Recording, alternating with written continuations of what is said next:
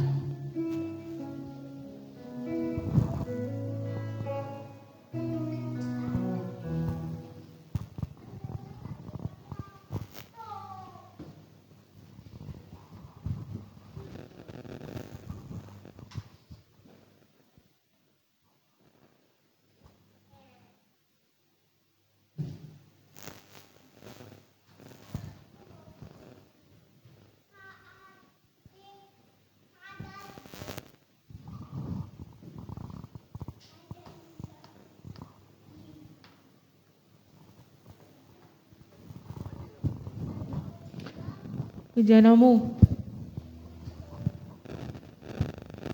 Kekuatan di jiwaku.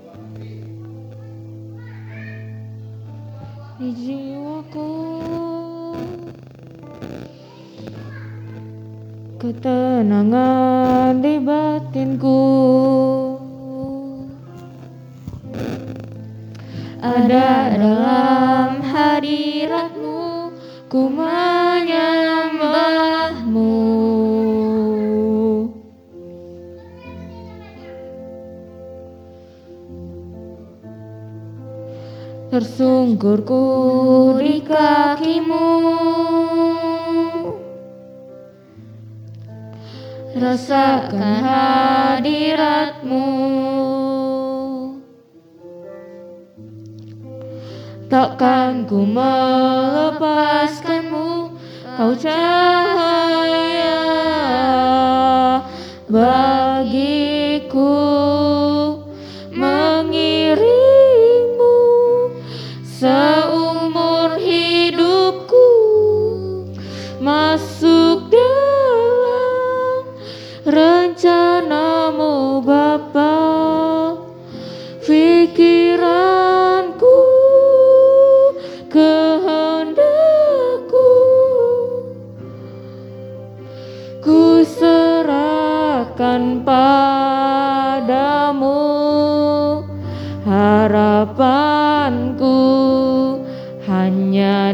dalammu ku kan teguh bersamamu Tuhan.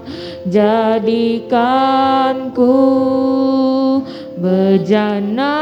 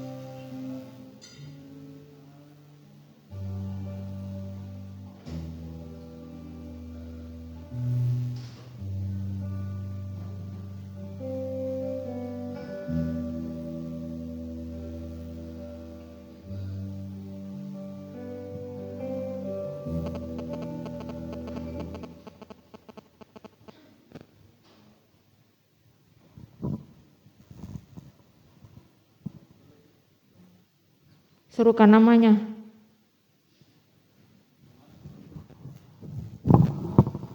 Hmm, Tuhanku Maha Besar.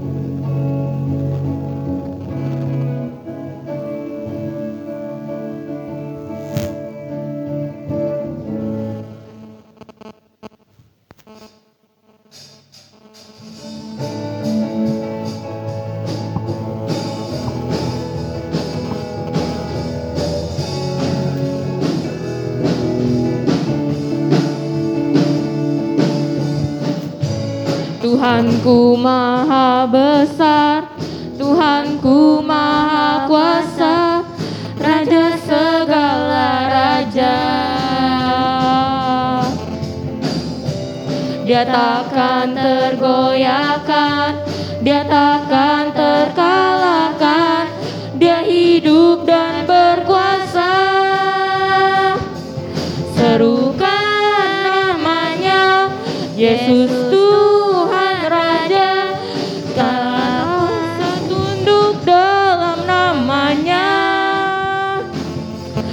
luar biasa, perkasa mulia. Yesus nama di atas segala nama. Tuhanku maha besar, Tuhanku maha kuasa, Raja segala raja. Dia takkan tergoyahkan, dia takkan terkalahkan, dia hidup dan berkuasa. Serukan namanya, Yesus Tuhan Raja, segala kuasa tunduk dalam namanya. Dia luar biasa, perkasa. Yesus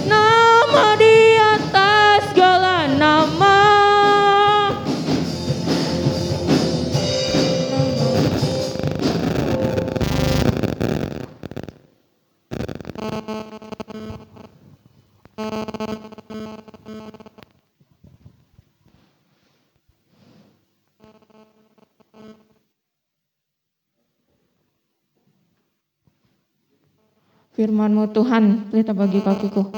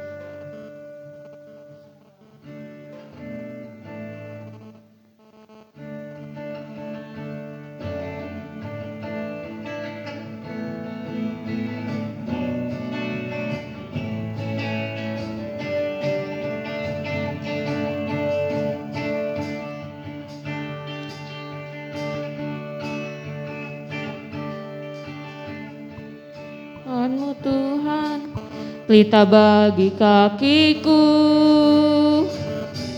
Janjimu terang bagi jalan-jalanku.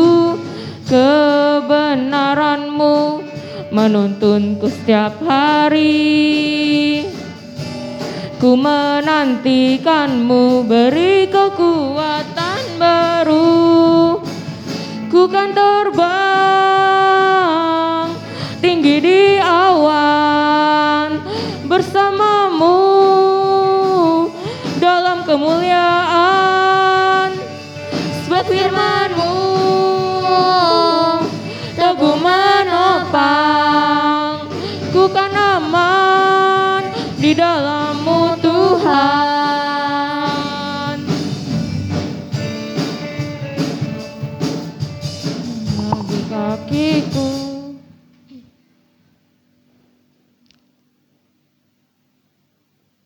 Lagu keempat mengejar hadirmu.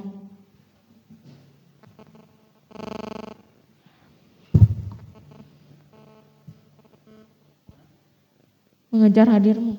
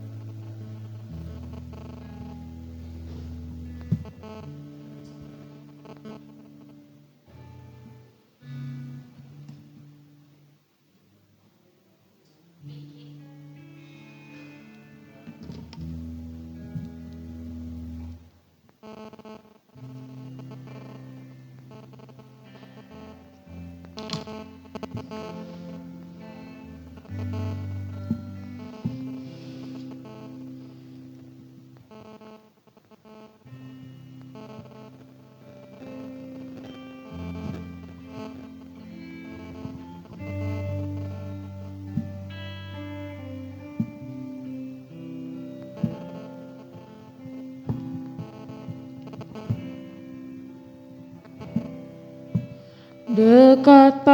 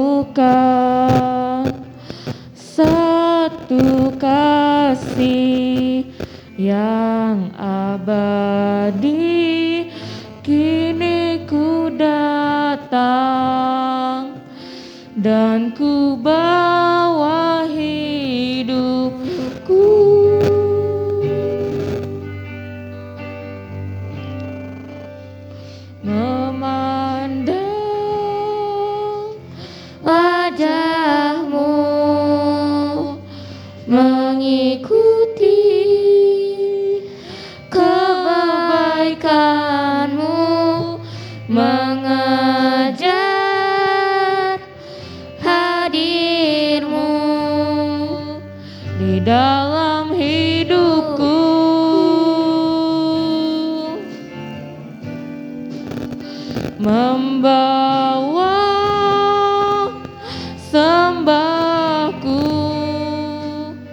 menyatakan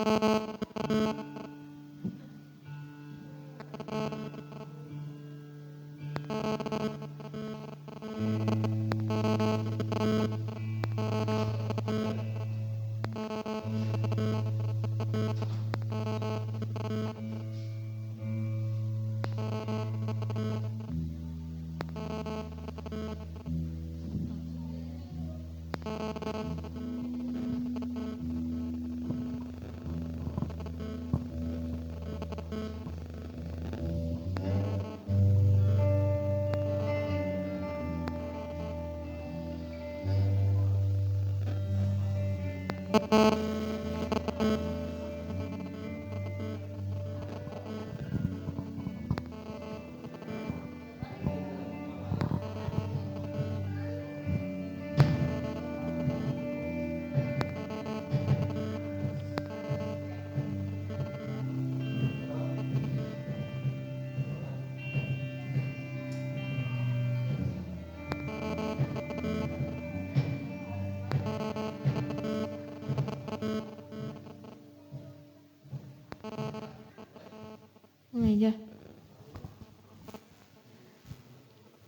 Shalom semua, kita mau mulai ibadah kita siang hari ini.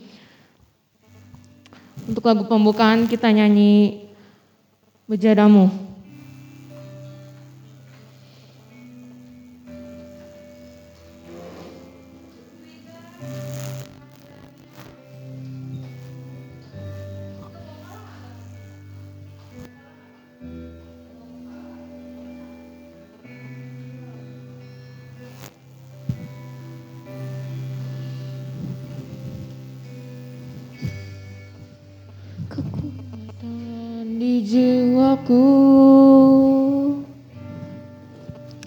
Ketenangan di batinku.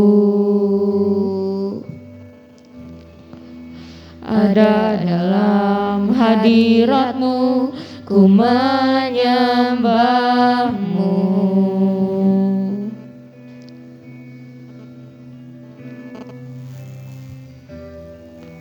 Tersungkurku di kakimu Rasakan hadiratmu. Takkan ku melepaskanmu Kau cahaya bagiku. Mengiringmu seumur hidupku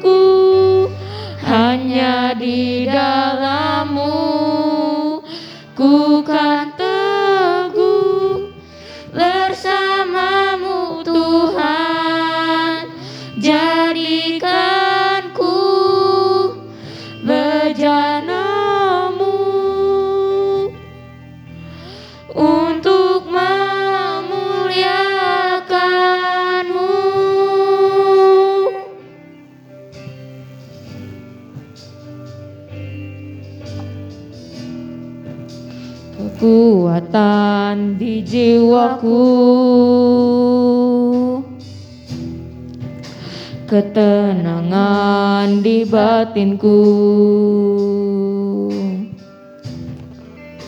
Ada dalam hadiratmu ku menyembahmu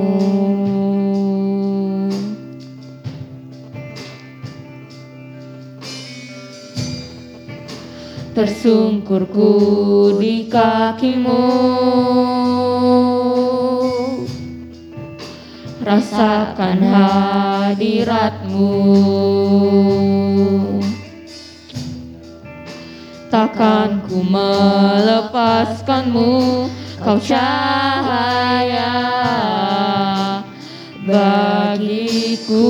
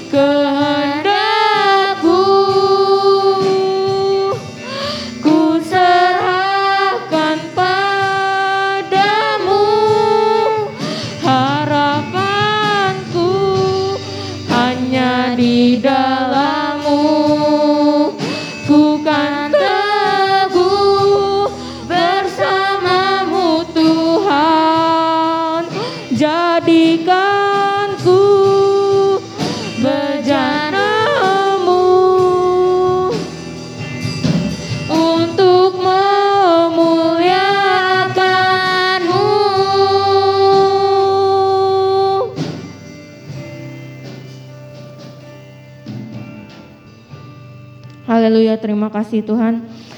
Untuk siang hari ini kami dapat berkumpul kembali di tempat ini untuk melaksanakan kembali ibadah yud kami Tuhan bersama-sama. Kau tanamkan semangat dalam diri kami, tanamkan rohmu dalam diri kami Tuhan, agar kami memuji menyembahmu dengan penuh sukacita siang hari ini Tuhan. Kau sertai juga Tuhan, jalannya ibadah yud kami hari ini dari awal pertengahan hingga akhirnya Tuhan. Terima kasih Tuhan, kami serahkan semuanya ke dalam tanganmu Tuhan. Hanya di dalam namamu Tuhan Yesus Kristus kami telah berdoa dan mengucap syukur. Haleluya, amin. Shalom pemenang. Lebih dari penenang. Haleluya, haleluya, haleluya. Ada sukacita siang hari ini? Ya kita mau angkat pujian, serukan namanya.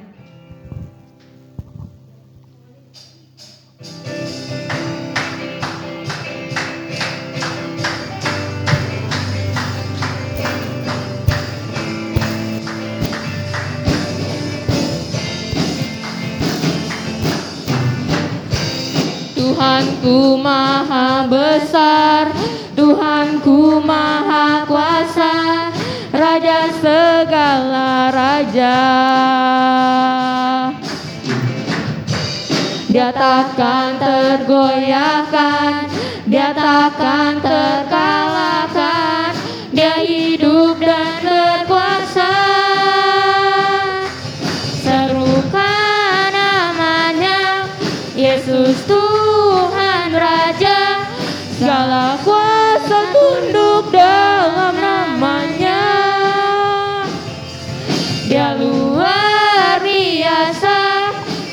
perkasa mulia, Yesus nama di atas segala nama.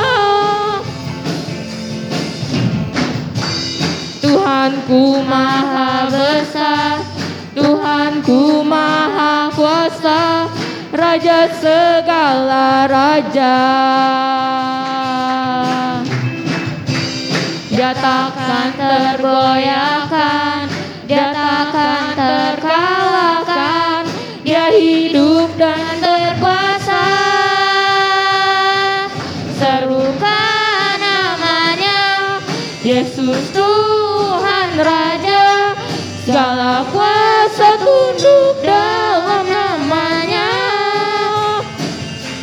Dia luar biasa, perkasa mulia, Yesus nama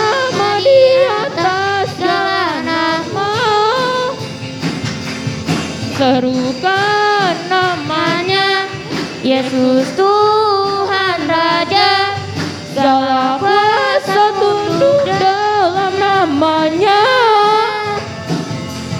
Dia luar biasa, perkasa mulia, Yesus nama di atas segala nama. Yesus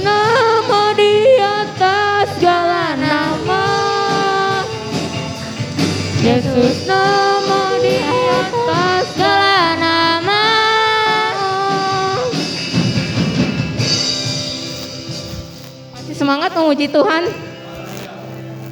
Kita mau sambung pujian kita. Kita nyanyi firmanmu Tuhan, pelita bagi kakiku.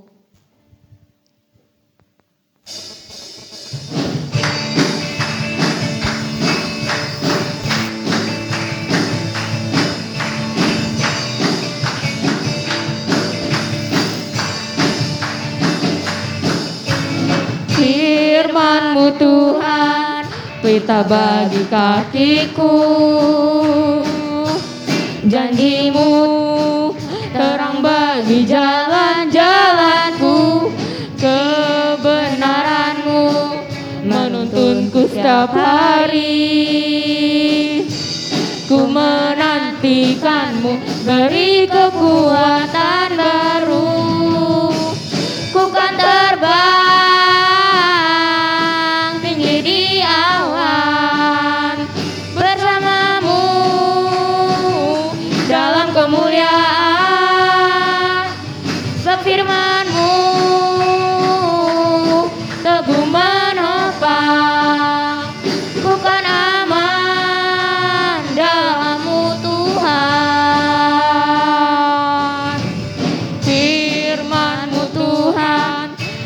bagi kakiku.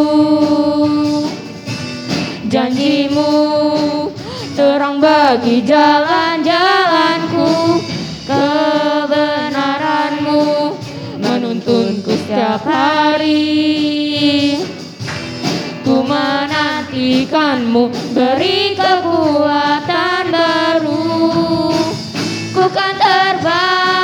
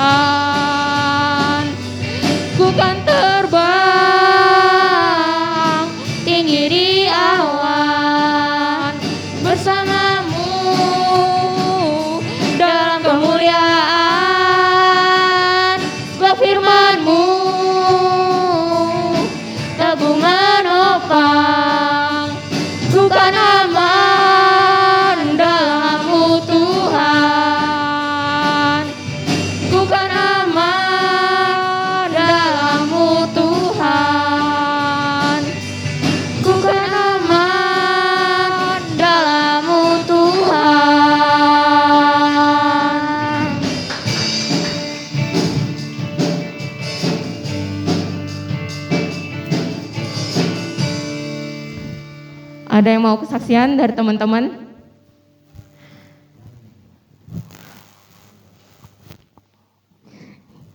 Ada yang mau kesaksian? Selfie. Kenapa lah? Ada yang mau kesaksian duluan nggak?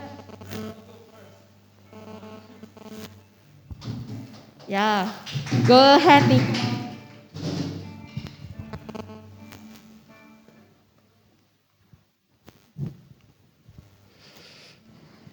Puji Tuhan karena mm, di minggu ini diizinkan kembali menikmati nilai rapot yang well sebenarnya ini bukan yang benar-benar terbaik, bukan yang benar-benar tinggi A tapi puji Tuhan tidak ada yang merah, walau kalau disetarain dengan predikat ya ini emang paling mentok cuma A minus, tapi puji Tuhan bisa aman.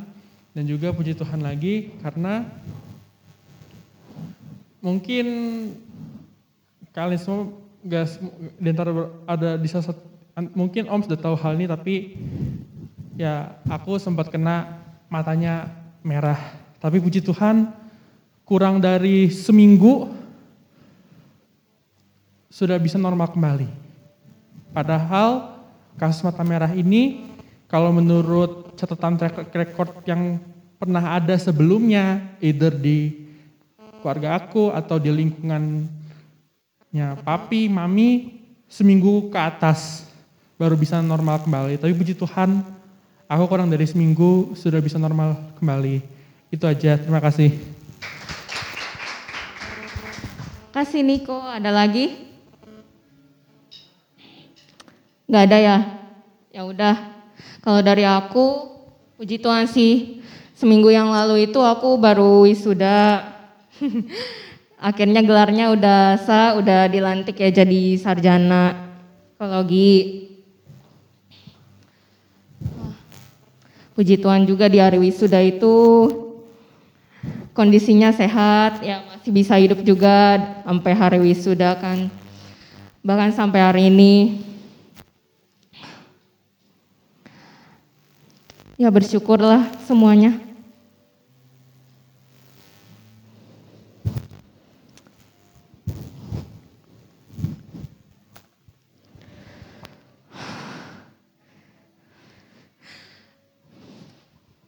Kalau ada orang tua di sini mau mengucapkan terima kasih.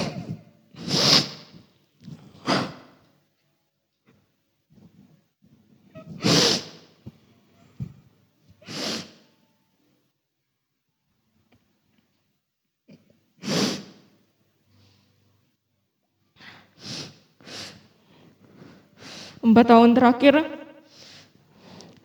mengenyam pendidikan di kuliah, pendidikan tinggi,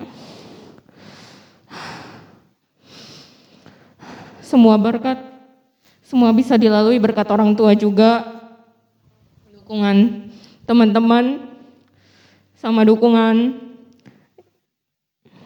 semua yang di sini juga. Terima kasih. Ya, bersyukur bisa selesai tuntas pendidikannya. Walaupun tetap berasa ada yang kurang ya.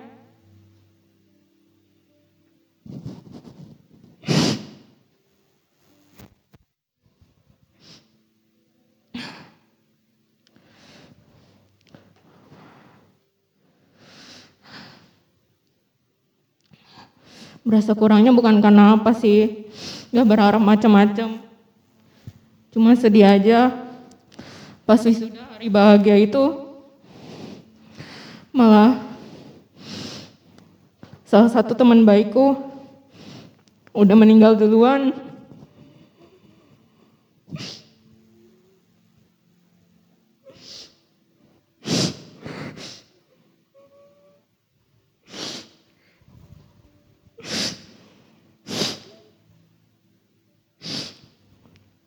Labia bersyukur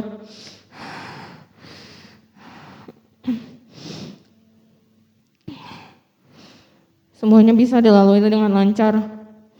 Sekian.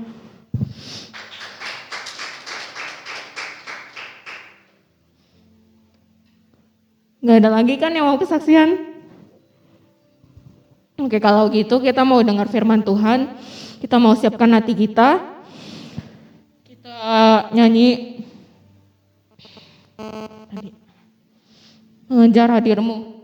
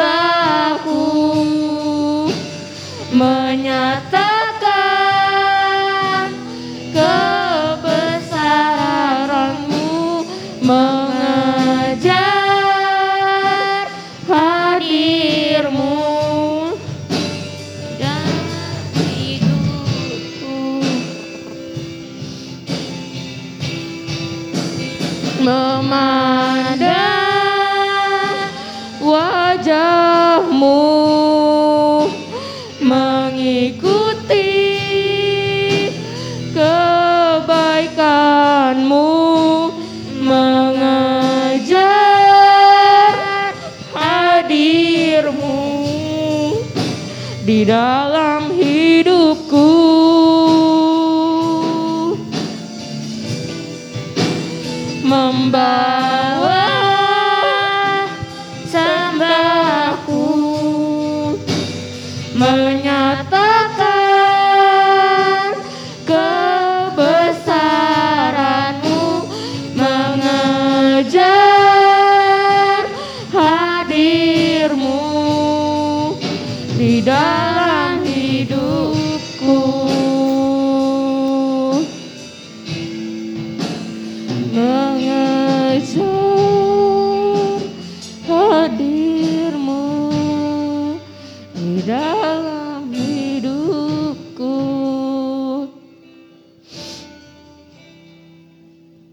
Tuhan terima kasih Tuhan.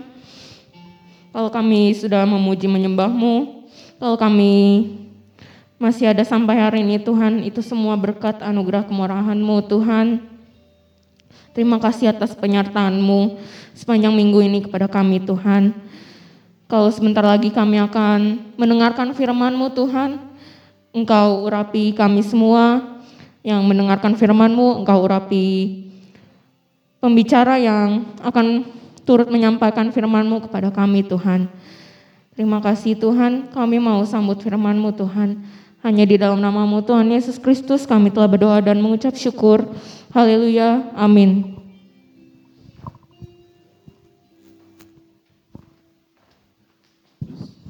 Puji Tuhan, haleluya.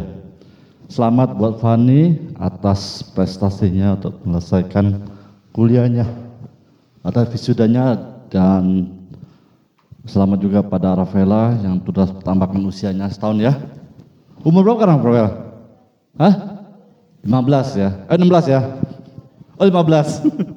Oke, selamat ya. Oke, eh, siapa di sini yang suka kuliner? Ya suka keliling cari makan yang enak gitu ya, betul ya?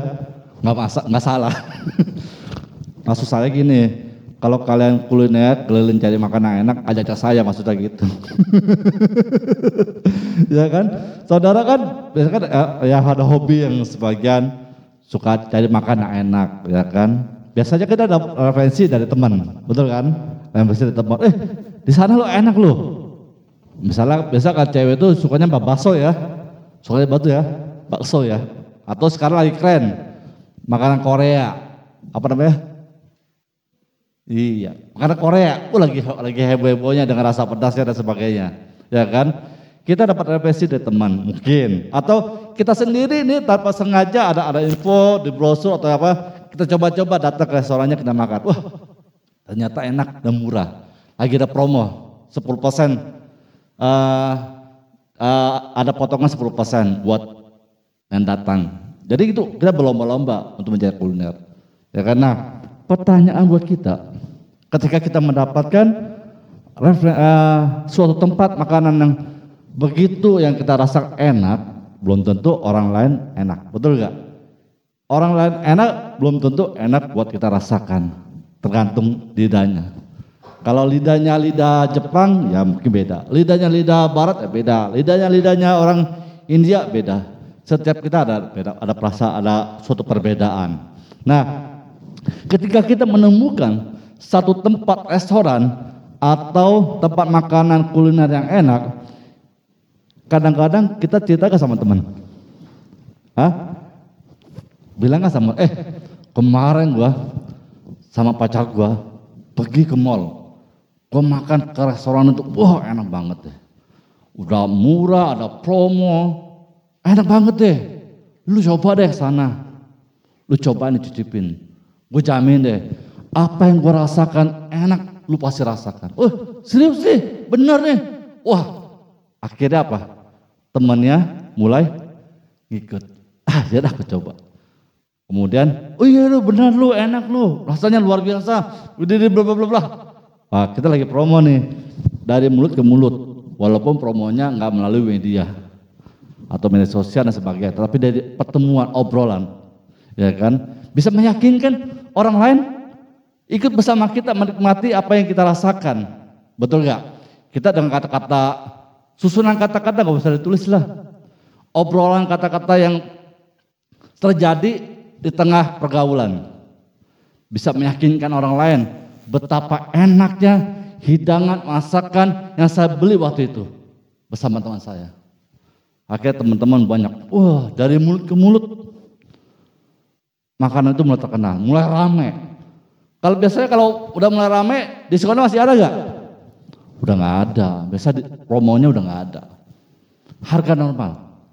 Tapi karena udah ketagihan, rasanya enak, wah pasti datang. Kita bisa meyakinkan orang lain untuk datang apa yang saya alami, apa yang saya nikmati. Tetapi soal makanan kita bisa meyakinkan orang lain, kita ajak bersama-sama datang ke restoran itu. Tetapi kita sulit untuk meyakinkan saya hidup karena anugerah Tuhan. Kita sulit meyakinkan teman-teman udah datang ke uh, ibadah yud betapa kita menikmati puji dia yang kita menikmati firman. Ayo dong datang ke ke yud dong. Ada berkat Tuhan, ada pujian yang menguatkan. Kita nggak susah untuk meyakinkan mereka. Tapi kalau soal makanan, kita jago meyakinkan orang lain bisa menikmati apa yang kita rasakan. Betul ya? Ya kan? Kita sulit mengajak orang lain, ayo dong datang ke youth. Di sana kita memperoleh kekuatan, di sana kita boleh belajar. Orang-orang yang tidak menghadiri ibadah youth, saya anggap seperti orang yang merasa kuat, merasa yakin. Tanpa persekutuan anak-anak muda, saya bisa melewati masa-masa sukar. Hati-hati. Youth adalah masa-masa di mana mulai beranjak mengenal dengan dunia luar. Kalau anak-anak kan masih dalam pengawasan orang tua, betul dong ya. Kalau youth kadang-kadang udah mulai ya mulai melepas. Udah mulai melompat dari pengawasan orang tua. Bisa gak kita meyakinkan kepada orang lain di sekitar kita betapa manisnya, betapa sedapnya kebaikan Tuhan. Kan ada puji mengatakan, kecaplah dan lihatlah, ada rasakan kebaikan Tuhan. Bisakah kita membawa orang lain merasakan apa yang kita rasa tentang kebaikan Tuhan? Susah, susah. Atau kadang-kadang kita malu mencipta kebaikan Tuhan. Eh bro, Gua ada nih sekarang ini karena anugerah Tuhan. Eh bro, kembali kalau bukan Tuhan tolong, gue bisa jatuh, bisa gagal. Mampukah kita berkata meyakinkan orang lain? Sulit, sulit. Jadi bukan soal makanan kita memperkenalkan Kristus. Bukan soal ah keinginan daging. Kita bisa membawa orang lain apa yang kita rasakan. Tetapi kebaikan Tuhan kita boleh ceritakan. Tuhan itu dahsyat, luar biasa. Saudara. Bisa meyakinkan?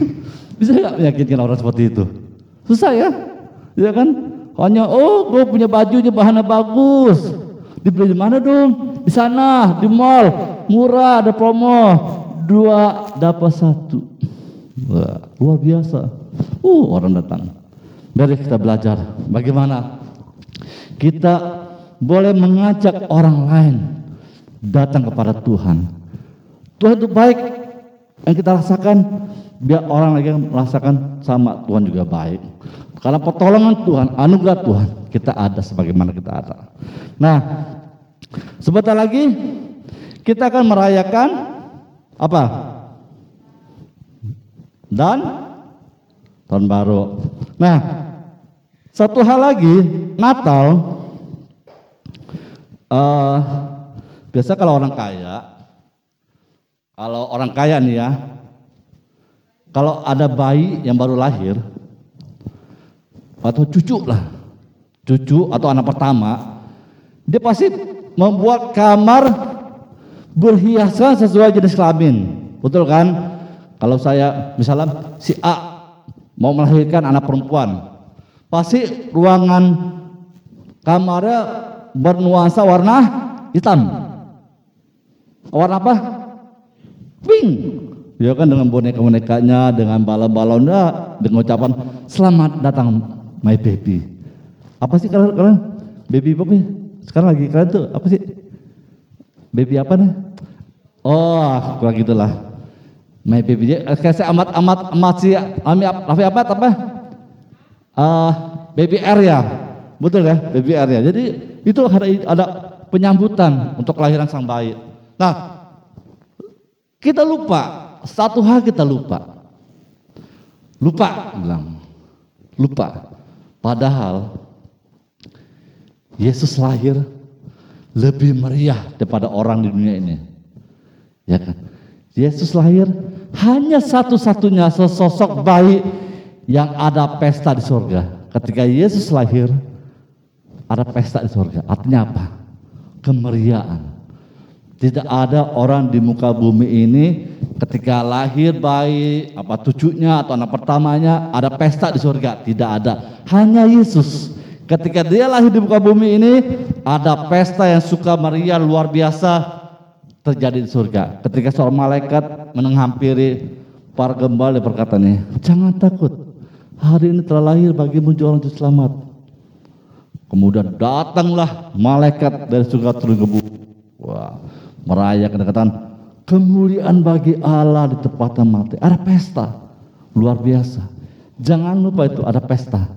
Ada pesta. Ya, itu uh, hal-hal tambahan saja. Jadi gini, saya hari ini ingin berbicara tentang bersumpah. Nah, bersumpah. Kadang-kadang kan swear, betul ya? Swear. Swear kewer-kewer. Bahasa apa tuh? Sumpah. Bener. Sumpah mati. Sumpah di lindas mobil lah. Padahal orang lagi tidur. Ya, nah kita apa itu definisi sumpah? Sumpah itu kalau di pengadilan negeri orang Kristen nggak dinyatakan bersumpah. Kalau di Kristen di luar Kristen dia kata begini, saya bersumpah itu di luar Kristen ya. Uh, kitabnya beda-beda. Dia bilang gini. Saya bersumpah itu dua Kristen ya. Tetapi Kristenan dia berkata saya berjanji.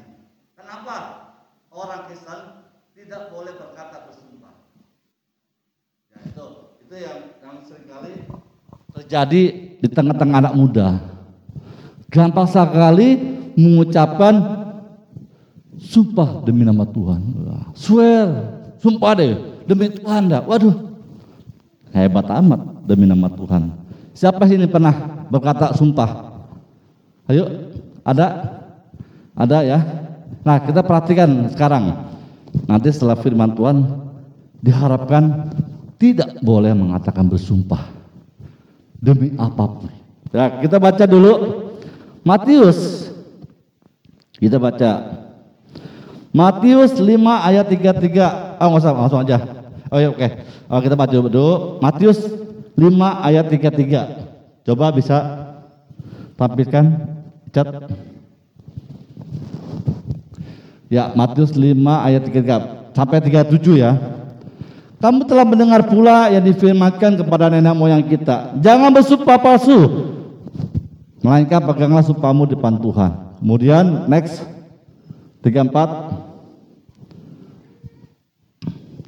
34 Tetapi aku berkata padamu, janganlah sekali-sekali bersumpah baik demi langit karena langit adalah takhta Allah. Next. Maupun demi bumi karena bumi adalah tumpuan kakinya ataupun demi Yerusalem karena Yerusalem adalah kota raja besar. Janganlah janganlah juga engkau bersumpah demi kepalamu karena engkau tidak berkuasa memutihkan atau mengetapkan selai rambut pun. 37 ini dia endingnya. Jika iya hendaklah kamu katakan iya. Jika tidak hendaklah kamu katakan tidak. Apa yang lebih daripada itu berasal dari si jahat. Siapa jahat? Siapa si jahat? Iblis. Setan. Kalau kita keluar dari teks ini, mau gak? Setan lu, mau gak? Mau gak dibahas setan?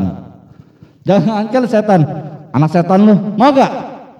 Tetapi sering kali kita keluar dari ini. Kalau kita keluar dari firman ini, ini ayat 7, kita anak setan. Kenapa? Firman itu kata iyalah jika iya, tidak jika tidak. Jangan iya tapi berkata tidak. Tidak tetapi berkata iya. Selebihnya dari itu berasal dari si jahat. Berarti kita anak-anak setan. Kita nggak mau kan? Kalau dianggap anak setan, ya dong. Kita pengen baik-baik disebut ya. Oh kamu anak Tuhan ya. Oh haleluya puji Tuhan. Ya tapi pulang dari mana? Ibadah. Oh puji Tuhan. Boleh ibadah. Betul dong. Pengennya dipuji-puji gitu dong. Ya kan? Apalagi mamanya senang. Eh nak kamu udah pulang dari mana? Dari Yud ya. Oh puji Tuhan. Gimana? Luar biasa. Ya kan? Enggak ada orang tua. Oh puji Tuhan. Kamu dari mana? Pulang jam 12 malam. Diskotik. Oh puji Tuhan. Diskotik. Enggak ada. Tidak ada satu orang pun pun orang tua pun seperti itu. Ya kan pulang malam-malam. Oh puji Tuhan, pulang malam ya. Oh haleluya, ada mama, ada papa yang baik. Tidak ada. Saya kira tidak ada. Dan orang tua pun pasti kamu pasti dia marah-marah. Kamu anak perempuan pulang malam-malam, ya? Berarti, oh kalau gitu anak laki-laki boleh dong? Tidak juga. Tidak juga. Kecuali kalau kita keluar ada keperluan, ada acara yang benar-benar penting dan mendesak. Ya. Nah, sering kali kata sumpah ini mudah kita ucapkan di tengah pergaulan. Untuk apa orang bersumpah? Untuk meyakinkan sumpah lo benar Tuhan dah. Gua hari ini mau ikut untuk meyakinkan untuk supaya dapat kepercayaan. Ya kan? Orang nah, pertanyaan buat saya, buat kita semua adalah mengapa Tuhan melarang kita oh definisi dulu definisi. Apa itu bersumpah? Bersumpah adalah ya ini definisi ya. Bersumpah adalah satu ucapan yang disampaikan seseorang yang mengatasnamakan Tuhan untuk memastikan bahwa perbuatannya atau perkataannya benar atau dapat dipercaya. Diulang.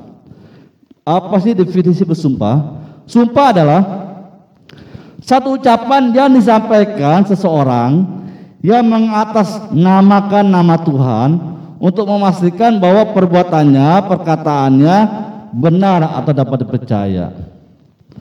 Mengapa Tuhan melarang kita bersumpah? Yang pertama, karena Tuhan mau agar kita tidak menyebut namanya sembarangan. Nama Tuhan itu hebat. Nama itu Tuhan itu berkuasa. Nama Tuhan itu luar biasa. Ah, kalau di keluaran, coba buka. Di keluaran 20. Ya, keluaran 20 ayat 7. Mengapa Tuhan tidak melarang kita bersumpah? Yang pertama, karena Tuhan mau agar kita tidak menyebut namanya dengan sembarangan. Coba buka di keluaran 20 ayat 7.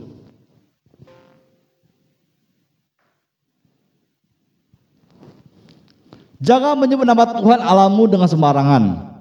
Sebab Tuhan akan memandang bersalah orang yang menyebut namanya dengan sembarangan. Ingat ya, bersumpah demi Tuhan deh. Benar. Ya, ingat tuh. Tuhan tidak mau namanya disebut sembarangan. Apalagi namanya dipakai untuk nipu orang. Ya kan? Ada kan orang sumpah nanti gue setorin deh. Sumpah deh, nanti gue anterin deh. Padahal ditipu. Demi Tuhan lagi. Kadang-kadang kan orang bersumpah, ya sampai sampai di sama geledek nih, sumpah demi Tuhan sampai sampai geledek lah, pasti anterin lo. Padahal tidak, menyebut nama Tuhan sembarangan. Ya kan kalau di Galatia coba buka Galatia 6 ayat 7. Galatia 6 ayat 7. Jangan sesat. Allah tidak membiarkan dirinya dipermainkan. Karena apa ditabur apa yang ditabur orang itu itu juga yang akan dituanya. Allah tidak ingin dirinya dipermainkan. Kurang ajar amat nih manusia memakai nama Tuhan. Seharusnya nama Tuhan itu dipakai untuk bisa kalau orang sakit di dalam nama Yesus sembuh. Itu nama Yesus digunakan untuk kesembuhan. Ya kan? Nama Yesus kami tengking kuasa kegelapan. Nama yang digunakan untuk mengusir setan.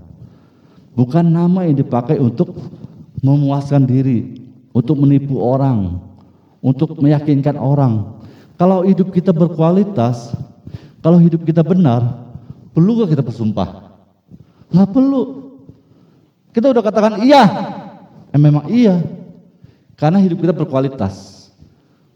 Betul nggak? Kalau orangnya suka ngeyel, ngomong nggak ada percaya, maka dia pakai apa? Sumpah. Supaya apa? Orang lain percaya sama saya. Supaya saya dapat dipercaya. Kenapa?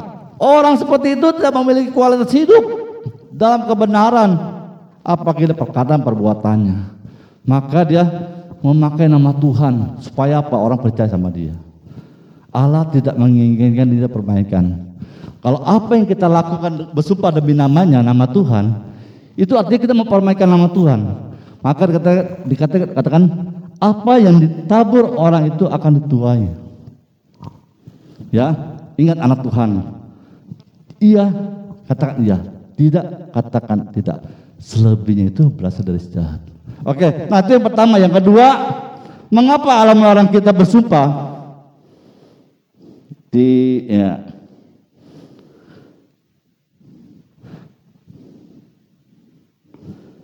Karena Tuhan ingin hidup kita berkualitas. Karena Allah ingin hidup kita berkualitas. Kita udah jujur. Orang nggak percaya itu urusan dia. Kita udah jujur, udah berjalan kebenaran, berkata benar. Kalau dia nggak percaya nggak nggak apa-apa. Saya sesudah firman Tuhan, kok ada firman Tuhan dalam hidup saya, saya nggak berbohong. Ya kan? Ada kadang orang gitu kan orang perlu ada teman yang perlu perlu keluar dari ucapan kita, sumpah demi Tuhan. Kalau kita nggak perlu anak Tuhan, perlu nggak? Nggak perlu, karena kita berdasar hidup di dalam kebenaran, memiliki kualitas hidup. Itulah mengapa Tuhan melarang kita supaya kita hidup memiliki kualitas. Jangan hidup kita gampang janji, gampang kibul. Boleh kibulin tuh. kibul. Kibul. Apa kibul? Kibul ya apa? Kibul ya. Kita dibohong. Sekali kita suka kibulin teman karena kualitas hidup kita malah tidak ada kebenaran. Makanya teman-teman, "Hah, gua nggak percaya sama lu. Lu aja begitu hidupnya, mau dipercaya. Akhirnya apa? Kita pakai nama Tuhan supaya dia yakin nih, gue benar kali ini. Baru kali ini gue bener, enggak salah. Justru kualitas kekristenan kita harus muncul supaya tidak ada kita menggunakan kata sumpah. Ya, jadi yang pertama Allah tidak ingin dirinya dipermainkan dengan kita bersumpah. Kedua, Allah ingin kita memiliki kualitas hidup sebagai orang percaya. Sebagai perkataan iya dan amin. Berkata iya jika iya, tidak jika tidak. Selebihnya itu kita nggak lakukan. Supaya apa? Oh, eh lu bang, nggak perlu bersumpah. Gua aja ngeliat hidup lu aja bener. Gua usah bersumpah lah, gua percaya sama lu. Nah, luar biasa. Ya kan? Jangan sampai orang bilang, ya gue percaya sama jujur lu, jangan kan jujur dan bohong gue percaya. Repot itu. Bahaya itu. Jadi itu yang kedua, yang ketiga, mengapa Tuhan melarang kita bersumpah demi namanya? Karena Tuhan ingin agar kita berkata jujur. Ini dia. Tuhan ingin kita berkata jujur. Kejujuran adalah langkah untuk masa depan. Orang jujur, orang yang dapat percaya akan diberi tingkatan yang luar biasa lagi, lebih lebih lagi, lebih lagi, lebih lagi. Dan pekerjaan juga begitu, ya kan? Seringkali bilang e, kuncinya adalah jujur, jujur. Itulah kenapa Tuhan orang kita supaya kita hidup jujur, ya kan? Kalau kalau orang yang hidup nggak jujur, dia pasti berkali-kali dia mengadakan sumpah, sumpah, sumpah, sumpah, sumpah. Wah luar biasa tuh kacau ya. Nah, yang keempat, mengapa Tuhan melarang kita bersumpah? Yang keempat adalah karena Tuhan akan menyingkap segala sesuatunya. Mungkin ada orang yang merasa aman dengan kata bersumpah untuk kibulin orang. Ah, untung gue bersumpah. Gue kalau nggak bersumpah gue nggak dapet tuh jatah tuh. Wah, jadi udah masa, ya orang yang berbohong ini masa nyaman dengan kata bersumpah. Gua kalau nggak bersumpah, gua nggak dapet tuh. Mendingan ya udah gue bawa sekalian aja bersumpah, bersumpah demi nama Tuhan kan aman. Di tengah-tengah dosanya dengan mengatakan sumpah demi nama Tuhan, dia merasa aman. Ada peribahasa mengatakan gini, sepandai-pandainya tumpai pelompat pasti jatuh. Orang yang pandai berbohong dengan membawa bersumpah demi nama Tuhan, ujung-ujungnya pasti ketahuan. Sementara dia enggak, oh nyaman, gue berbohong dengan nama Tuhan, penyakit nggak bos gue nih, gue bersumpah lah demi nama Tuhan lah. Yang penting kan sementara gue aman. Tapi ujung-ujungnya Tuhan akan singkapkan bahwa kamu berbohong. Kamu akan menik, akan menikmati hasil dari kebohongan. Ya, dari hal ini kita boleh belajar bagaimana kita dilarang bersumpah. Bagaimana kita dapat dipercaya sama orang? Ya hidup, hidup kualitas. Tutur kata kita, ucapan kita meyakinkan orang lain. Bukan hanya sekedar makanan kita bisa meyakinkan, tetapi soal kekristusan, keselamatan di dalam Kristus kita bisa orang lain percaya, iya loh. Gue sih percaya sama dia. Kenapa? kualitas hidup begitu benar. Hidupnya menjadi teladan. Jadi bagaimana hidup kekristenan kita dapat menyatakan, nih saya Kristen bukan karena KTP saya Kristen, tetapi saya memiliki kualitas di dalam Kristus. Jadi nggak panjang lebarkan puji nama Tuhan. Jadi belajar bagaimana kita tidak lagi menggunakan kata sumpah di dalam kekristenan kita, baik itu dewasa, Anda sebagai katakan nggak boleh. Kita cukup iya jika iya, tidak jika tidak. Selebihnya itu bahasa jahat. Ayo kita balik berdiri. Kita akan uh, menaikkan pujian. Aku mengasihi Engkau Yesus dengan segenap hatiku. Haleluya. Haleluya Tuhan Yesus.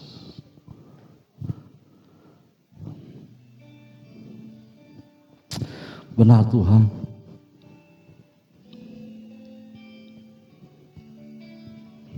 Haleluya. Aku mengasihi Engkau Yesus dengan segenap hatiku. Aku mengasihi Engkau Yesus dengan segenap jiwaku Kurenungkan firmanmu siang dan malam Ku pegang beritamu dan ku lakukan Engkau tahu ya Tuhan Tujuan hidupku hanyalah untuk menyenangkan hatimu. Aku mengasihi engkau Tuhan. Aku mengasihi. Apakah kita sudah mengerti firman Tuhan pada siang hari ini? Apakah perlu kita menggunakan kata sumpah untuk meyakinkan orang percaya sama kita? Apakah masih berani bersumpah demi nama Tuhan? Sedangkan nama Tuhan adalah luar biasa, dahsyat dan perkasa. Uh, ku renungkan firmanmu siang dan malam ku pegang perintahmu dan ku lakukan. Engkau tahu ya Tuhan tujuan hidupku hanyalah untuk menyenangkan hatimu. Masih beranikah kita boleh berkata sumpah?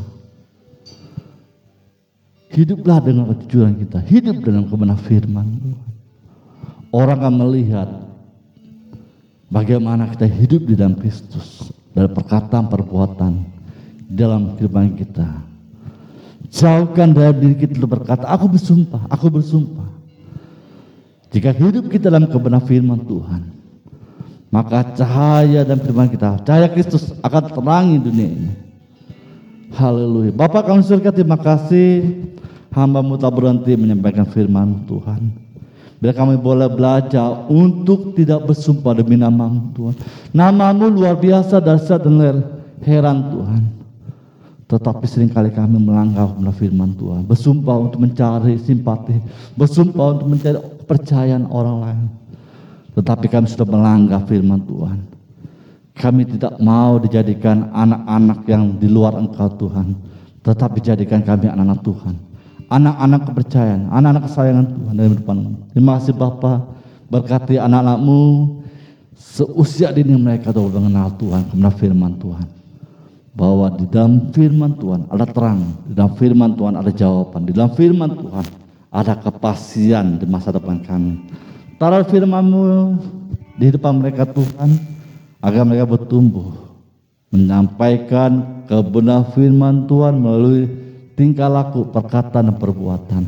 Terima kasih Bapa, hamba bisa berhenti menyampaikan firman-Mu, biar hikmat kepintaran segala sesuatunya Tuhan. Terima kasih Bapa, kami serahkan ibadah kami dalam nama Tuhan Yesus Kristus. Haleluya. Amin. Puji nama Tuhan,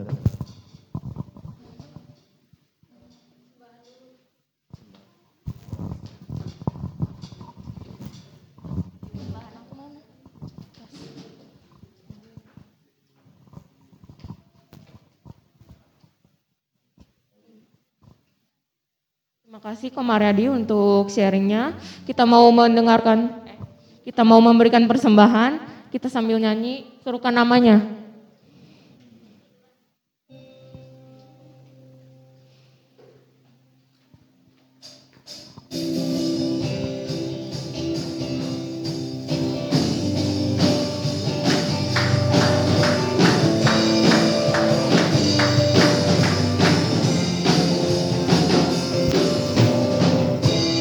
Tuhanku maha besar, Tuhanku maha kuasa, Dia raja segala raja.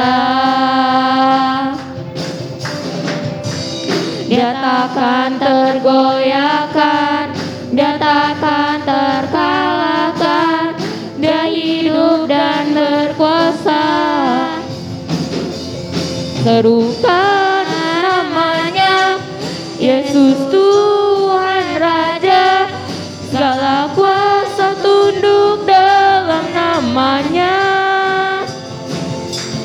Dia luar biasa, perkasa mulia, Yesus nama di atas segala nama.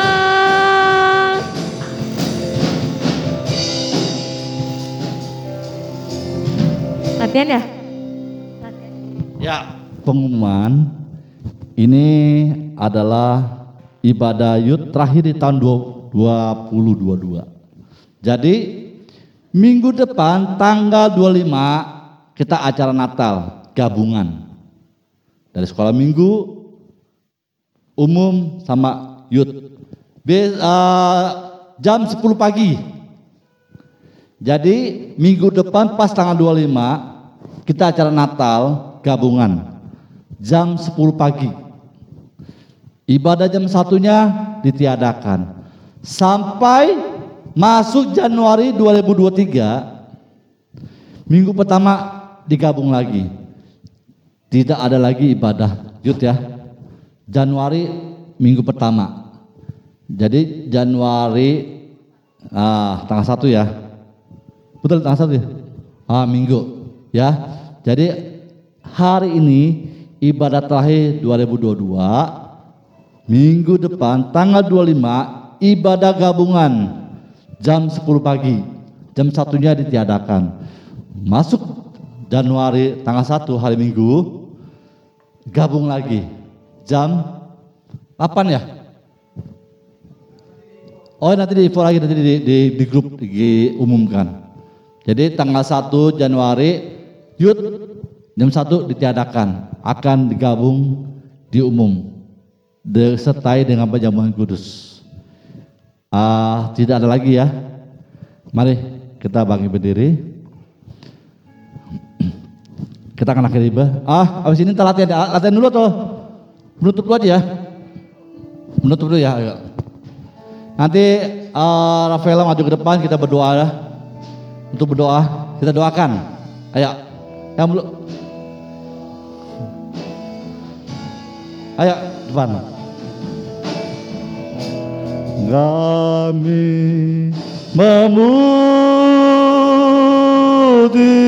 Eh, Mari Pak Budi, tolong maju depan.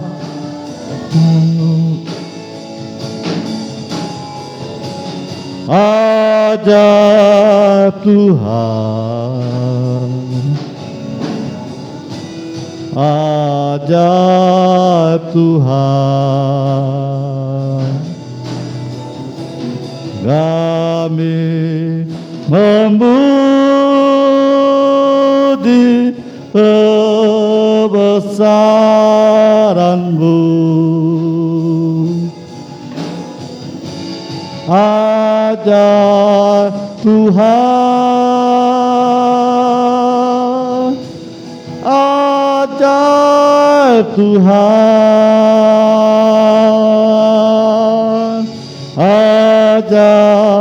Tuhan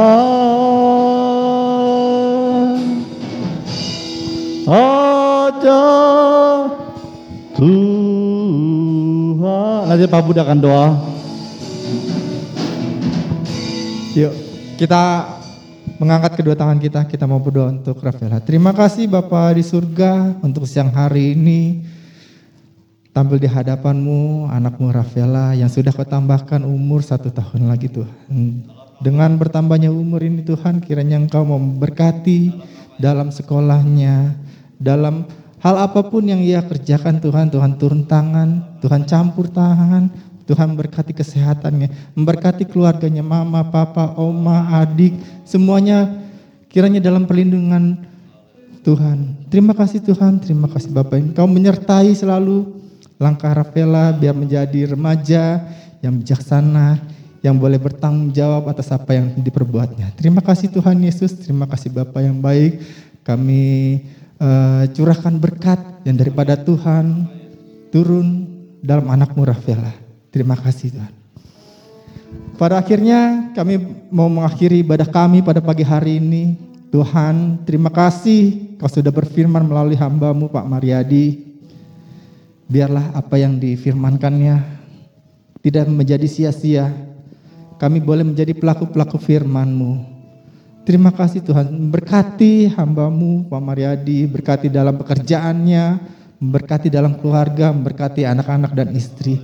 Terima kasih Tuhan juga. Kiranya Engkau memberkati kami semua yang sudah meluangkan waktu kami pada siang hari ini, memberkati kami dalam sekolah kami, memberkati kami dalam kuliah kami, memberkati anak-anakmu dalam pekerjaannya yang masih merindukan lapangan pekerjaan. Tuhan buka jalan.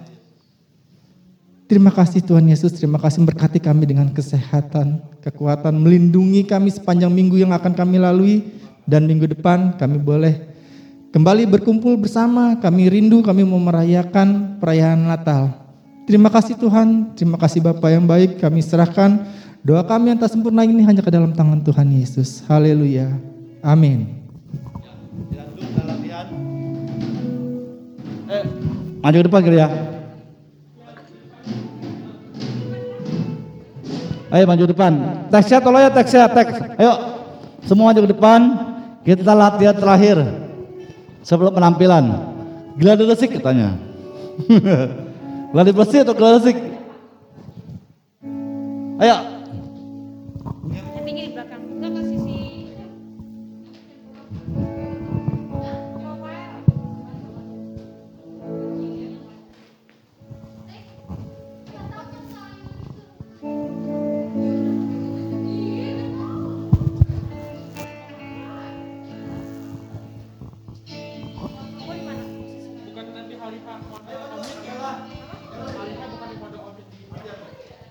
office.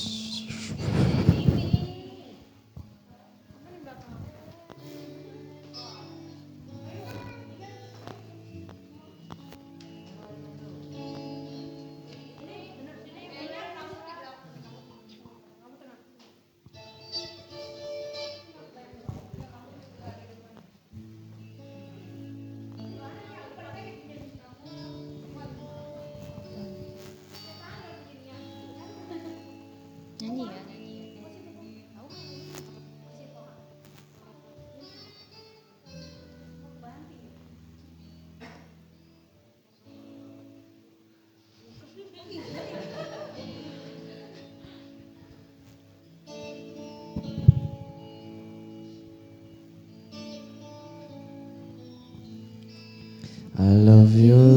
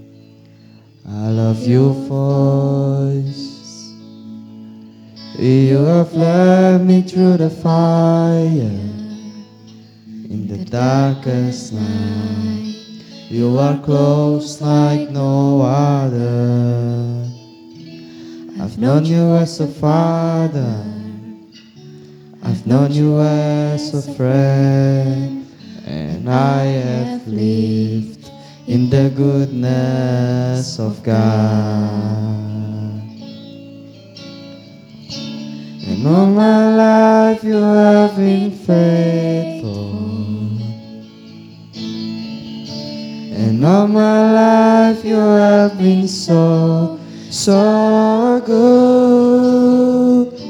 With every breath that I am able, oh, I will sing of the goodness of God. your goodness is running after, it's running after me. Your goodness is running after, it's running after me. With my life laid down, I'm surrendered now. I give you everything. Cause your goodness is running after, it's running after me. Cause your goodness is running after, it's running after me.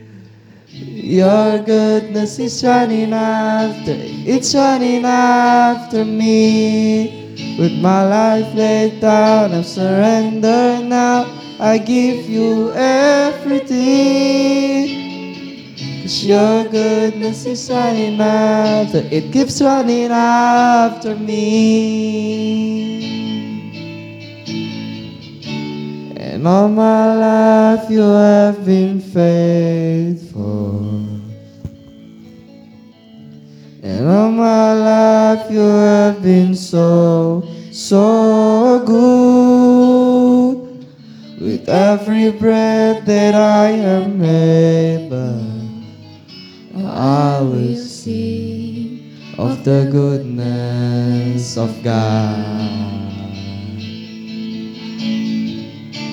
And all my life you have been faithful. And all my life you have been so, so good. With every breath that I am able, oh, I will sing of the goodness of God. Oh, I will sing of the goodness of God.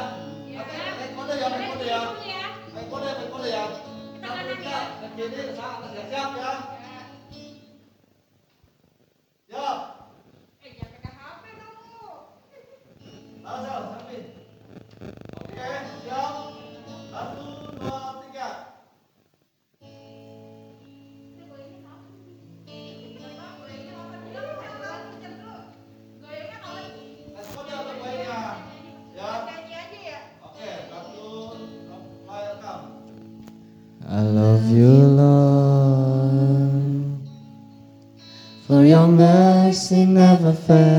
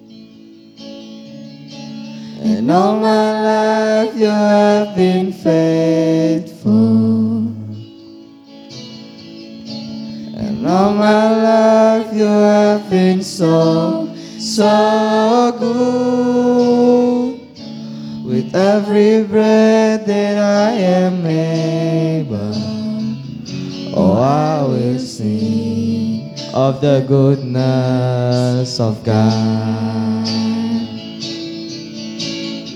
Cause your goodness is running after, it's running after me.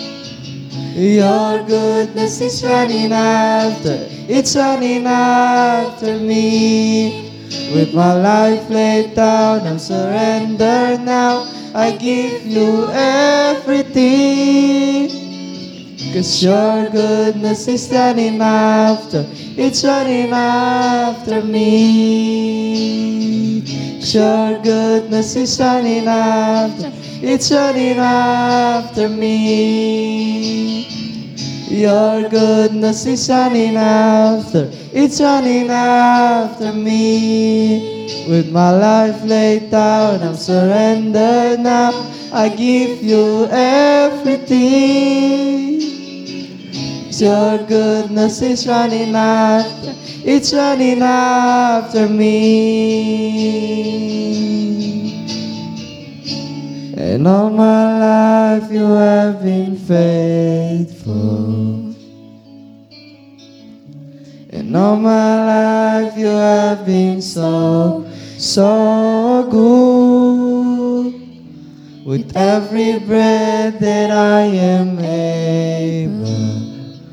Oh, I'm gonna sing of the goodness of God.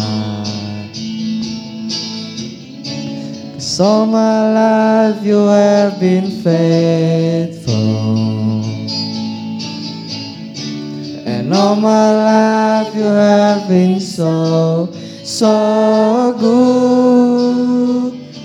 With every breath that I am able. Oh, I'm gonna sing of the goodness of God. Oh, I'm gonna sing of the goodness of God.